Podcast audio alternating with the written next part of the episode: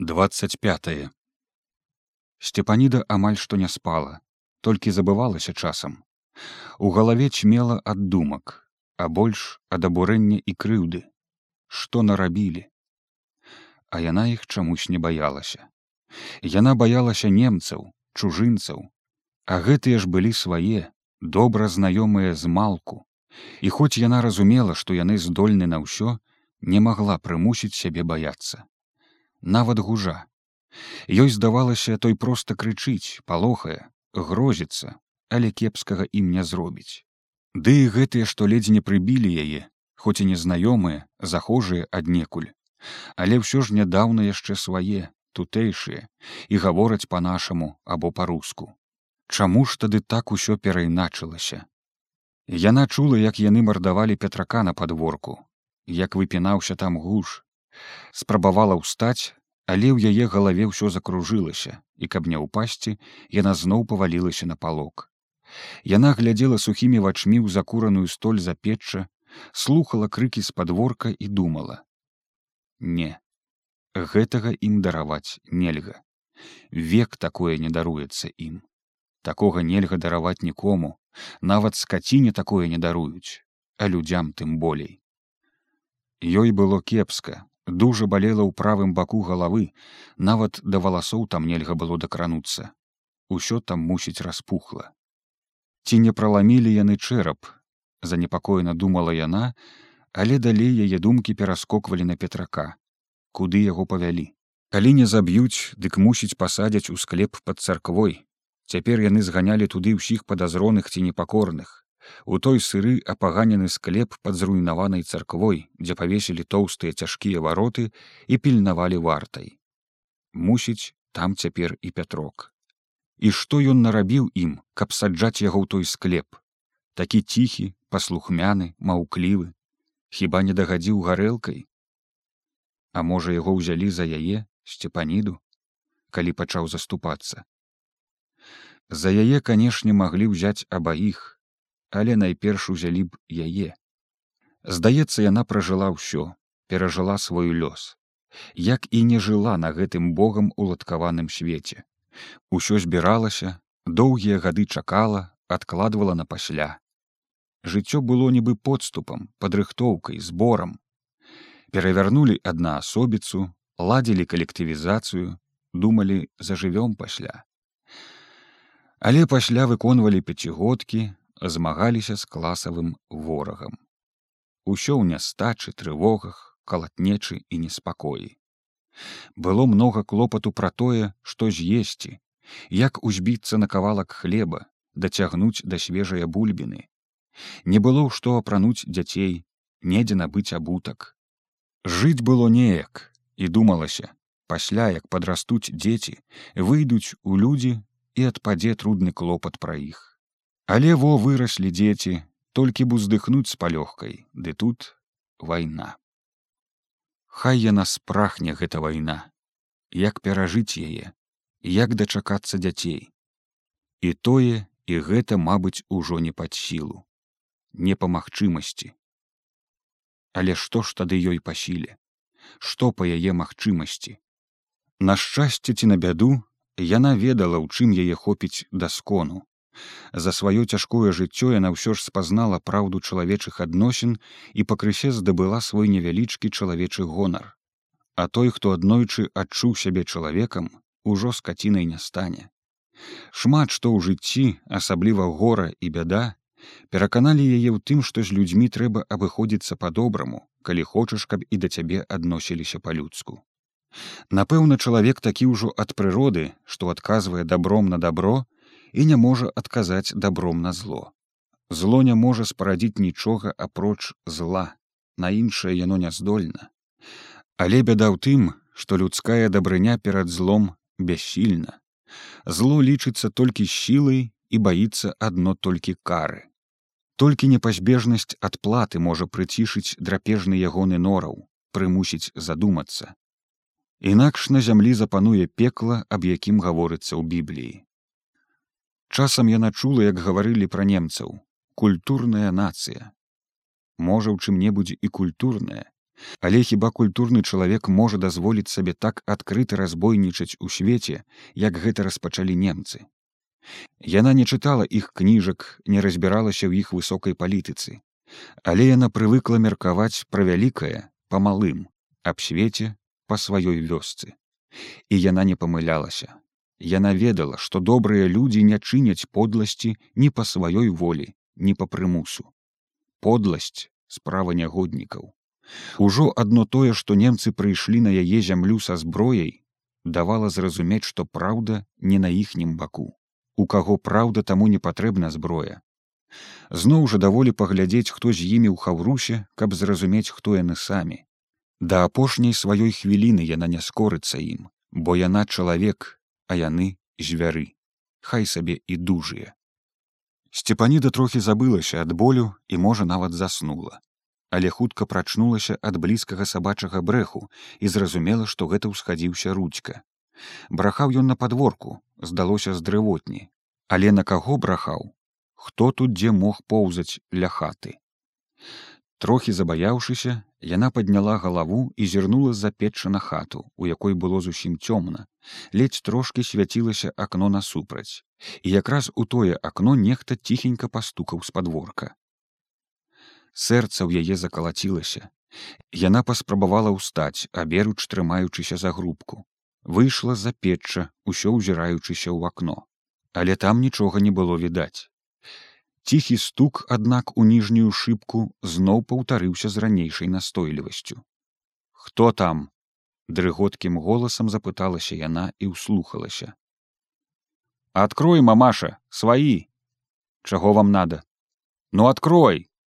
не адкрыю я адна ў хаце хворая не адкрыю мусіць пачуўшы сцепанідзін голас смялей забрахаў ручка подскочыў бліжэй да парога яна хацела сказаць яшчэ што петрака няма і гарэлкі таксама няма і не будзе што нягожа паначы ламіцца ў дзверы да хворай і старой бабы. Але падумала што тым іх не спыніш. Мабыць зараз выб'юць вокны ці дзверы і зноў пачнецца тое што ў мінулую ноч. Але на дзіва ёй яны там не ламіліся чамусь і не стукалі болей. Яны ціха пагаманілі паміж сабой і мусіць пайшлі бо ручка забрахаў далей лятыну ці ў самых варотцах. Тады яна трохі пастаяла паўслухоўвалася і падумала што мабыць то была не паліцыя. Але хто? Мабыць не тутэйшы усё ж і гаворка руская. Хто б гэта мог быць? А раптам гэта якія чырвонаармейцы? Можа б што сказалі пра федьку? Ой што ж тады яна нарабіла? Трэба ж было іх пусціць у хату гэта невялічкае начное здарэнне зусім растрывожыла сцепаніду яна забедавала ў думках ступіла да акна і праз спатнелыя шыбіны ўгледзелася ў начны ветраны змрок услухалася. Не нідзе болей не было нікога. Ручка сціх мусіць тыя адышліся далёка. Рэшту той ночы яна не заснула ні трошкі і не спрабавала нават. Яна праседзела ля акна, слухаючы і слухаючы невыразную шапаткую цішу з надворку. Галава ўсё балела, але сцяпаніда быццам трохі абвыклася з гэтым болем, і калі ў вокнах пачало трохі шарэць на золаку, яна ўстала. Усё ж яна была яшчэ жывая, магла пераадолець немач, трэба было нешта рабіць. Яна ўжо адчула, што не можа болей сядзець на хутары, трываць пакуты ад невядомасці. Хопіць ёй той невядомасці, што праглынула федьку, феню, ды цяпер яшчэ і петрака. Не. Трэба было некуды ісці, нешта шукаць. Ручка маўчаў на падворку, ці можа куды збег, а на світанні падаў скнарлівы голас парсючок. Яна ўчула яго праз сцяну і падумала: другі дзень як някормлены клопат пра парсючка даў ёй саўладаць з хворасцю і выгнаў з хаты ў сенцы. Там на вобмацак яна знайшла стары чыгунок, намыла бульбы, насыпала трохі вобмешкі жорнаў. Страхавітай нерашучасцю адчыніла дзверы сянец на падворак, якія аказаліся незашчэпленыя з учарашняга. І зноў прыпомніла начны стук у акно. Яны нават не спрабавалі адчыніць дзверы. Не, гэта не паліцаі гэта хтось з нетутэйшых захожых шкадаванне зноў працяло яе чаму ж яна іх не пусціла Можа, гэта быў адзіны выпадак што-небудзь дазнацца пра федьку. Яна паставіла есці паршючку, знайшла ў стале кавалак лапуна для ручкі, які зусім ужо не хацеў ісці нікуды з падворка. Дашчэнту прытамілася, села на лаву і задумалася. Што ж рабіць далей? Найперш трэба было дазнацца пра петрака, калі ён жывы.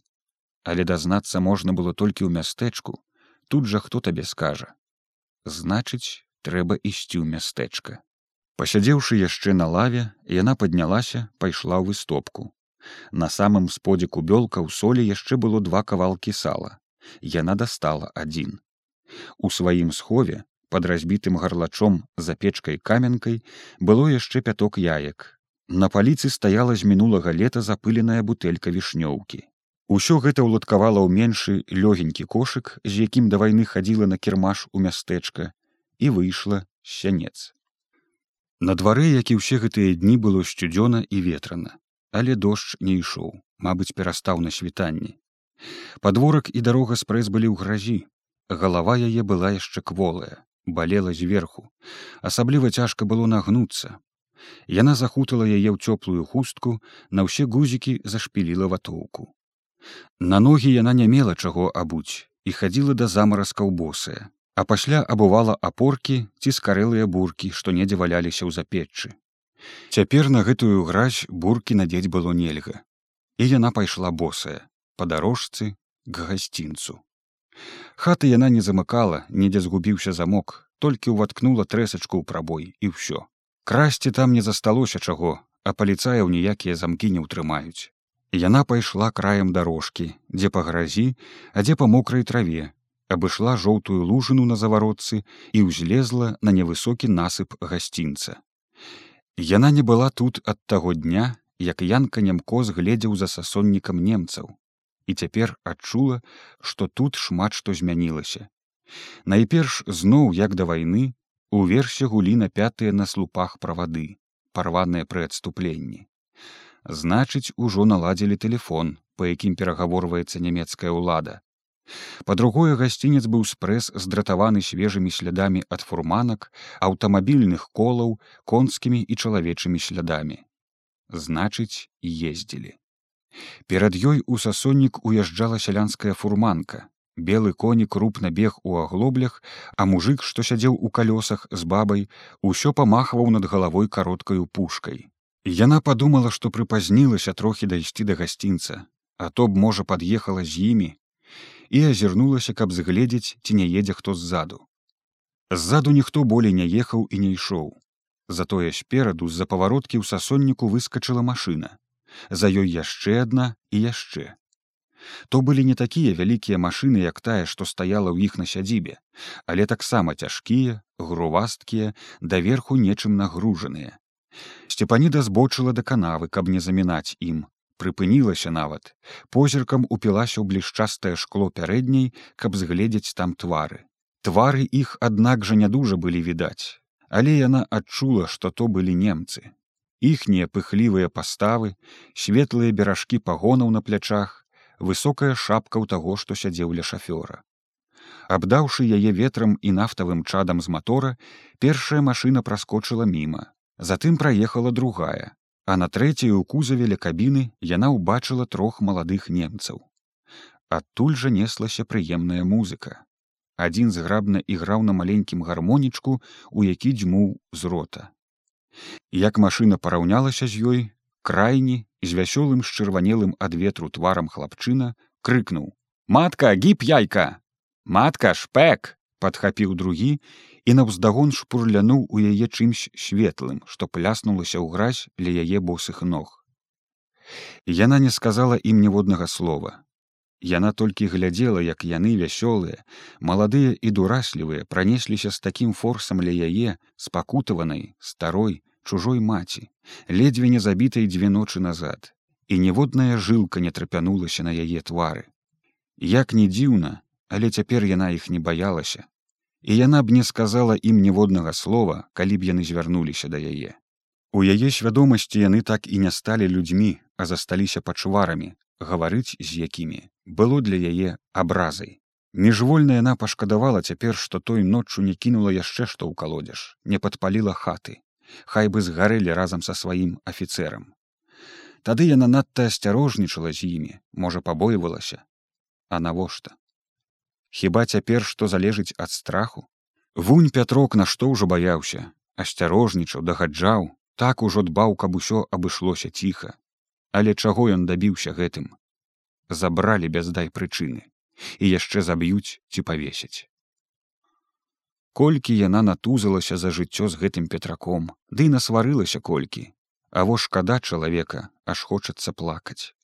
Ну што ён зрабіў ім? Каму ў чым перашкодзіў? Калі і не памог нікому, дык жа такі характар, але на кепскае ён няздатны, быў аж залішне добры па цяперашнім часе, ды па-ранейшым таксама. Гэткая ўжо натура. Хутчэй аддасць чым возьме. Лягчэй саступіць чымсьці даб'ецца не любіў сварыцца. Яму ўсё каб ціха. А без сваркі паціху чаго даможашся ў жыцці? Ды ён і не дамагаўся нічога яна ўспомніла як некалі ганяла яго ў мінск да чарвякова і каторы раз сумелася ад прыкрасці. Ці па петраку гэта было? Але ж і сама не магла. Паўтара тыдня прастрыгікала па падворку з хворай нагой. Доўга яна падазравала яго, можа не аддаў, не знайшоў, не паспеў, пабаяўся, колькі дацінала яго допытамі, Аднак пятрок стаяў на адным, аддаў міліцыянеру. Словам усё ў парадку і трэба толькі адно чакаць. І яны чакалі, што ж яшчэ заставалася. Толькі марна чакалі ўсе тры гады, аж покуль не прыйшлі немцы тут ужо стала недалявона. Немцы не прымалі іх за людзей, глядзелі і абыходзіліся як са скацінай. Мусіць, гэтак жа трэба ставіцца і ім да немцаў, з поўнай пагардай, з нянавісцю, з непакоранасцю ўсюды, дзе толькі можна. Тым болей, што іншыя адносіны да іх дабра не дадуць. Выпадак з петраком добра засведчыў гэта. Гасцінцам яна перайшла са соннічак, паазірала надта раскапаную яміну ў жвіры на паваротцы і ўрэшце ўбачыла крайнія местачковыя хаты, дах пажарныя вышкі, таполі над вуліцай. Над некаторымі комінамі ветер ірваў шызы дым. Быў ранак, паліліся печы. Пасля таго, як пабілі яўрэяў, многія хаты пуставалі, іншыя заняла розная набрыць, паліцыя. Звонку там мала што і змянілася ў тым мястэчку, дзе, мабыць, і зараз ішло звычайнае як і да вайны жыццё. Затое нешта змянілася на гасцінцы. На свежым дарожным насыпе над ракой жаўцелі новыя парэнчы моста якога не было тут з палавіны лета. Ды і насып быў разварочаны бомбамі нібы яго перакапалі свінні а цяпер глядзі ты пабудавалі. Пабудавалі каб ездзіць ганяць свае машыны далей на ўсход да фронту каб вазіць сваёй арміі ўсё што ёй трэба. Мусіць шмат што ёй трэба калі прыгадзіўся і такі несамавіты гасцінчык з такім во на двадцать крокаў мастком цераз іх балацяністую рачулку. Значыць стала патрэбна. Запаволеным крокам яна падышла да моста і з нейкаю душэўнай няпэўнасцю ступіла на гразкія але яшчэ новыя дошки на сцілу пакратала рукой пагабляванае дрэва парэнчы Усё было тоўстае, грубое, моцна збітае і звінчанае балтамі, мусіць разлічанае надоўга.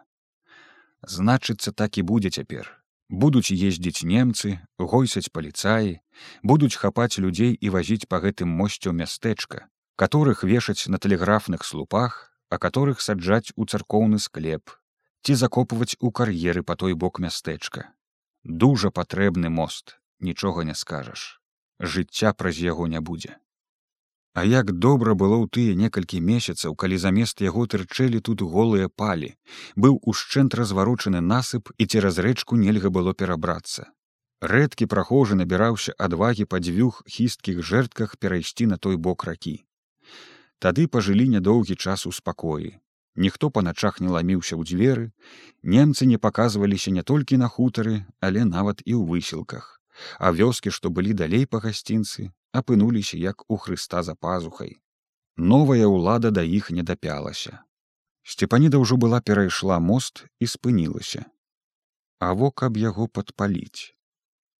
Усё ж драўляны, можа б загарэўся і згарэў і настала б тады тое жыццё што было без яго.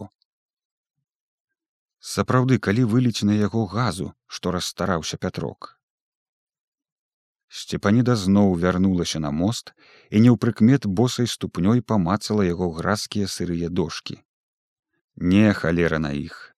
Мусіць такія не ўпаліш і газай. Каб хоць улетку а цяпер усё скрозь мокрае сырое са свежай лясіны.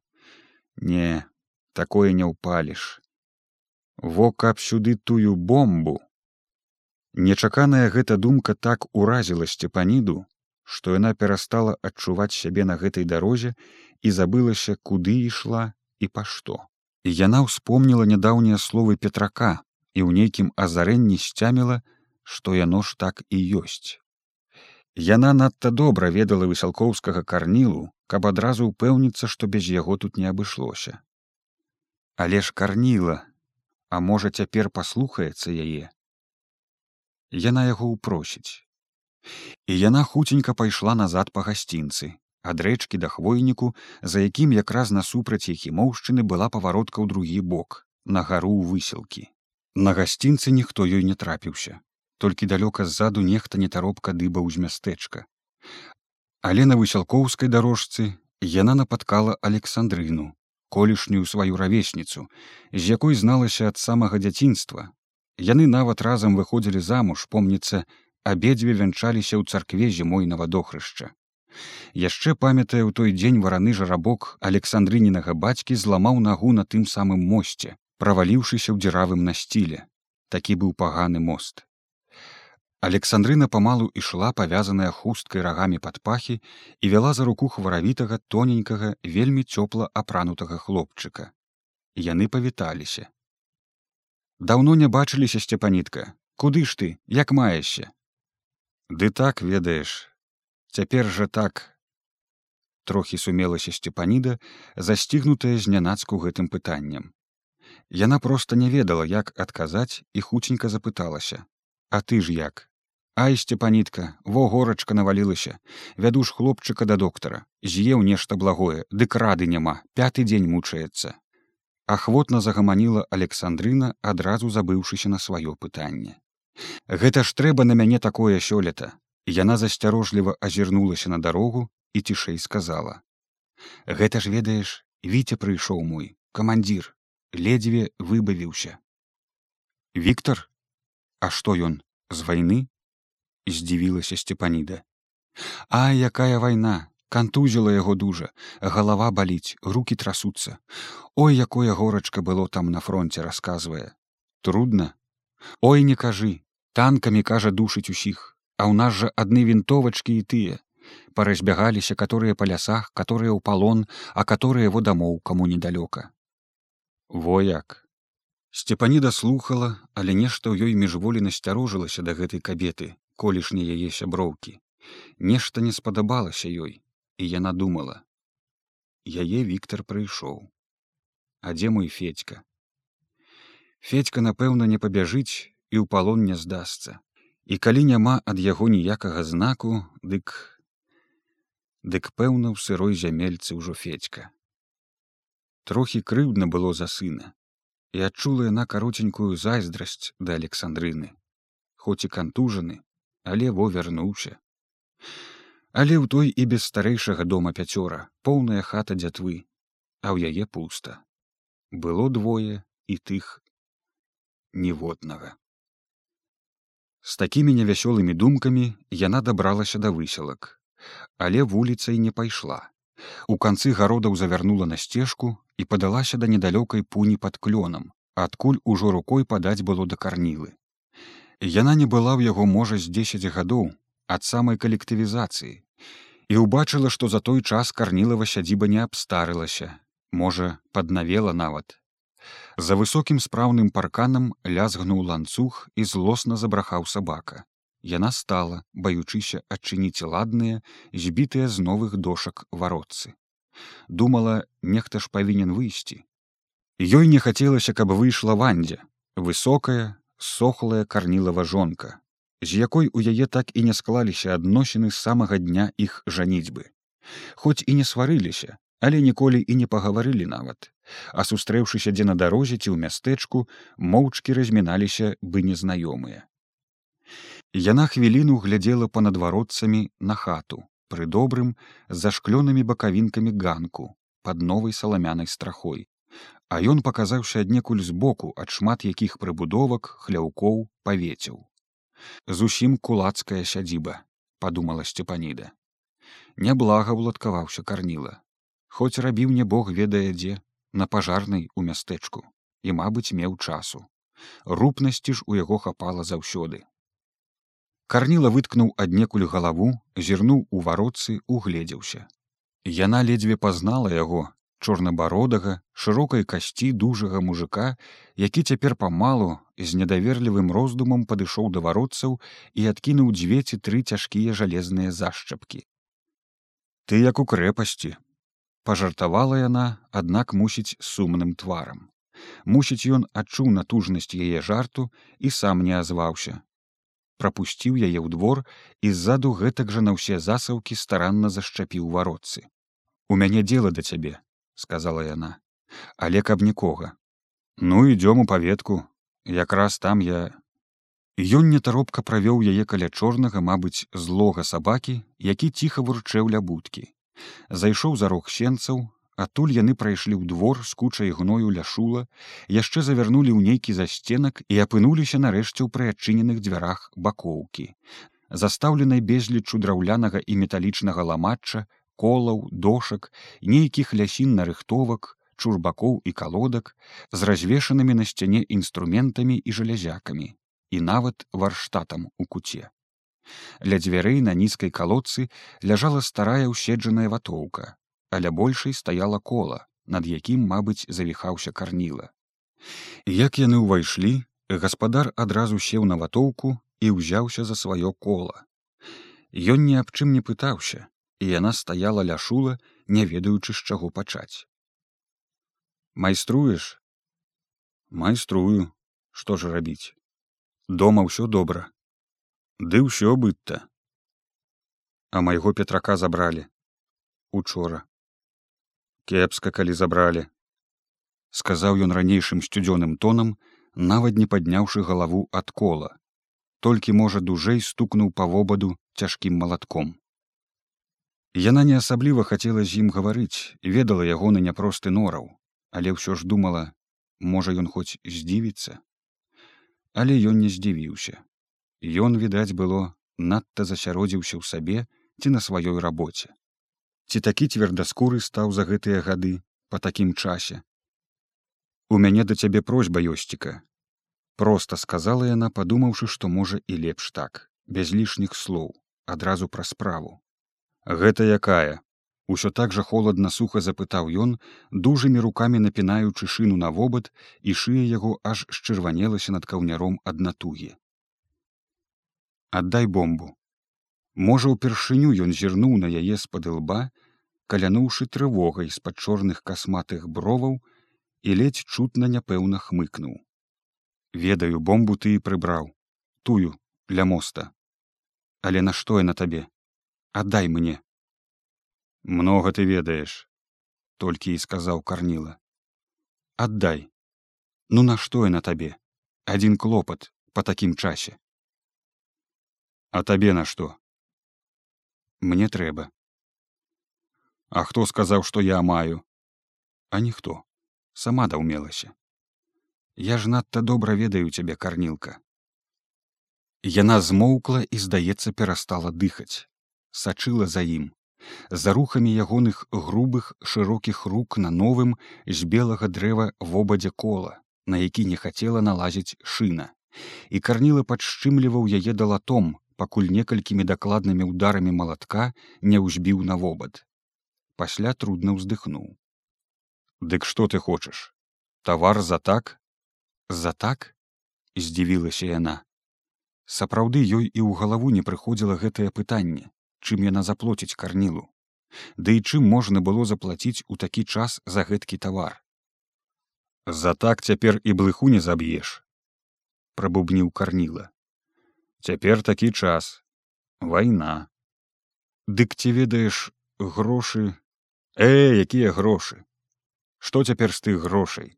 Ну во тут у мяне сала з два фунты, паўдзясятка яек, сказала яек. Яекі ў мяне знойдзецца на яешню. Вот жа скнара, пачала злавацца сцепаніда.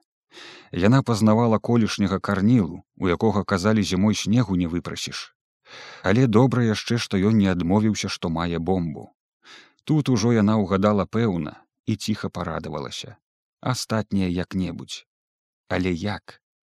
Дык што ж я табе? Грошай не маю. Кароўку немцы з'елі. Курачак пастралялі, пяток усяго засталося. Мужика гуш забраў, у мястэчка павёў. Што ж я яшчэ маю? сумелася яна. А свінчо раптам спытаў карніла і другі раз зыркнуў на яе сваім цяжкім позіркам. Ці тоже не маеш? Парсючок застаўся ага вясновы. Спахапілася сцепаніда і змоўкла. Ці не захоча ён парсючка. Добра, што парсючок застаўся. Неяк абыякова сказаў карніла, устаў і падаўся ў кут, нешта перабіраў там у жалезе і нарэшце выцягнуў крывую драціну, з якой узяўся высякаць цвік. Застаўся ага, але ну бяры парсючка, аддам. А паўпуда будзе, будзе з паўпуда, хорошае і яшчэ свінчо. Запалым голасам пахваліла парсючка сцепаніда і здзівілася ад думкі. Няўжо яна аддасць парсючка з чым жа тады застанецца ну хіба за парсючка ажывеў крыху карніла. Ну і гэта па цяперашнім часе тавар. Для чаго табе толькі? А гэта ўжо маё дело трэба. Ну вядома. Калі можа ў лес каму тавар добры карніла нядоўга нешта падумаў пасля выглянуў з дзвярэй гукнуў нешта сабаку і рукой махнуў сцяпанідзе каб ішла следам. На падворку яны пералезлі цераз нізкія варотцы на зады сядзібы, зарослыя кустоўем парэчак, агрэсту, гушчаром маладога вішанніку. Пад тынам у лапухах і крапіве карніла падняў пласт з ляжалага гарохавіння, пад якім зажаўцеўся канец чагось даўгога і круглага, нібыта з бляшанкай прываранай на хвасце. То была бомба. Во!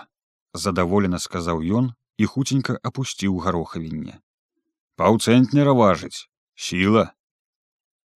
Сцепаніда трошачкі захвалявалася, адчула, можа, упершыню, якую небяспеку ўзвальвае на сваю галаву, але ўжо не адступала. Хай бярэ парсючка. Запрагу коня, толькі паначы каб, як сцямнее. Ну ведама ж, як сцямнее. Трохі нявесела пагадзілася яна.